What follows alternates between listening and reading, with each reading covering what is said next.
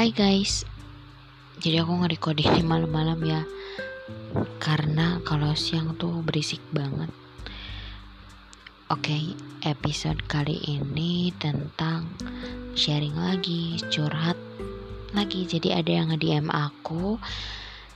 Uh, Dia nggak mau disebut namanya, ya udah aku ceritain pakai nama samaran aja ya. Kita sebut dia Fanya. Jadi dia nge DM aku kayak gini Halo kak, aku sudah mendengarkan semua episode di podcast kakak. Dan aku ingin menceritakan sepenggal cerita cinta yang pernah aku lalui. Semoga cerita ini bisa dibaca, dibacakan di podcast episode selanjutnya ya. Langsung aja ya kak. Sepertinya aku tidak perlu menyebutkan nama aku dan nama orang yang aku ceritakan. Oke, okay. dia dia adalah orang yang aku temui di 2016. Ternyata sudah lama juga ya kami satu sekolah dan aku bertemu dengan dia di, di tahun ketiga sekolah. Aku jatuh cinta kepada dia setelah lima bulan kami satu kelas. Secepat itu, singkat cerita aku dan dia pacaran dengan berbagai permasalahan yang hadir tapi masih dikatakan permasalahan yang wajar dalam hubungan ya. Setelah aku dan dia lulus akhirnya kami melanjutkan pendidikan di tempat yang berbeda. Hubungan kami masih baik-baik saja di tahun pertama berbeda sekolah.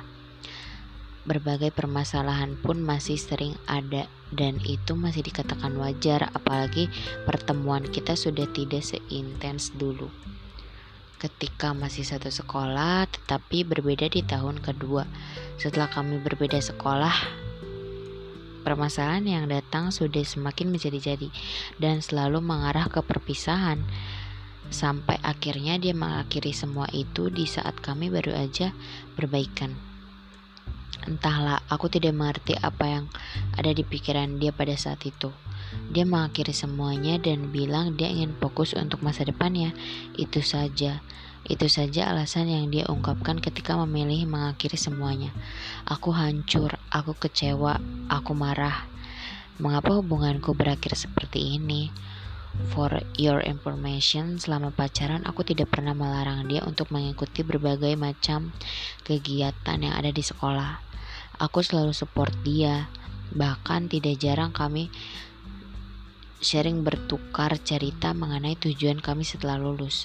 Singkat cerita, waktu terus berjalan, aku masih dengan kehancuranku yang masih setiap hari selalu menghubunginya meskipun aku tahu dia sudah tidak menginginkanku.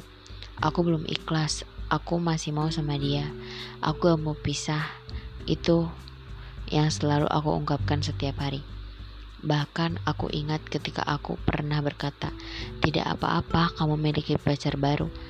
Aku akan tetap ada di samping kamu." Entahlah mengapa kata-kata itu keluar dari mulutku. Setidak ikhlas itukah aku pada waktu itu? Tidak lama setelah kami selesai, dia posting seorang wanita. Di sana aku tahu bahwa sebenarnya ini adalah alasan sesungguhnya dia ingin mengakhiri hubunganku. Aku kembali hancur, lebih hancur daripada yang sebelumnya. Hampir setiap malam aku menangis karena itu. Di saat itu juga semua perilaku yang dia tidak aku ketahui selama ini akhirnya terbongkar.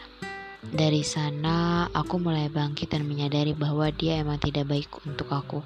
Makanya aku pisah sama dia. Sekarang aku sudah mengikhlaskannya, aku sudah memaafkannya. Sudah tidak ada kekecewaan lagi. Dari mengikhlaskannya, aku belajar ketika kita berani mengikhlaskan sesuatu yang besar, maka kita akan mendapatkan sesuatu yang lebih besar daripada apa yang kita ikhlaskan. Aku doakan semua tentang dia dan semoga dia bahagia selalu dan tidak pernah menyesal karena telah meninggalkanku.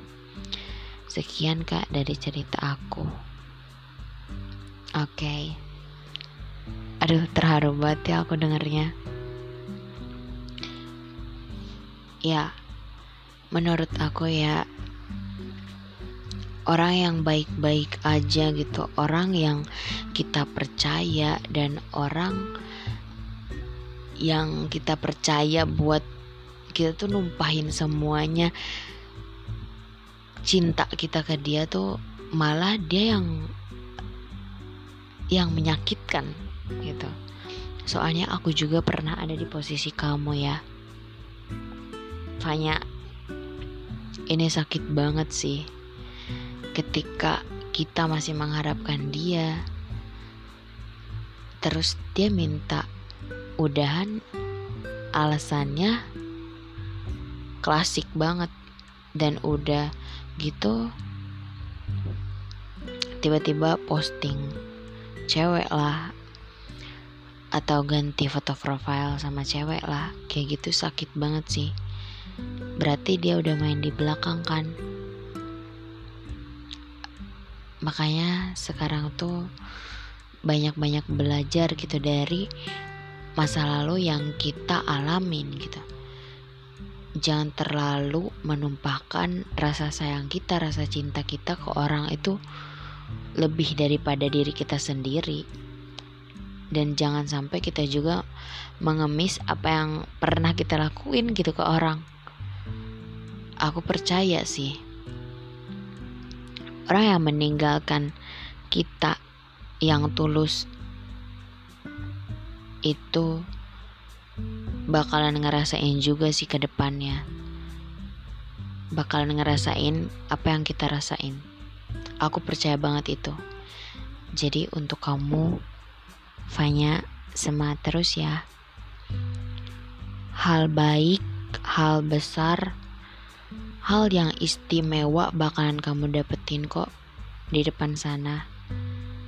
Jadi jangan gamon-gamon dan kamu juga harus bersyukur pisah sama dia. Karena emang dia bukan yang terbaik untuk kamu. Jadi kita sekarang lebih banyak belajar dari pengalaman kita sendiri ya. Sama berhati-hati sih kalau menaruh hati dan mencintai seseorang. Oke okay. selamat malam See you.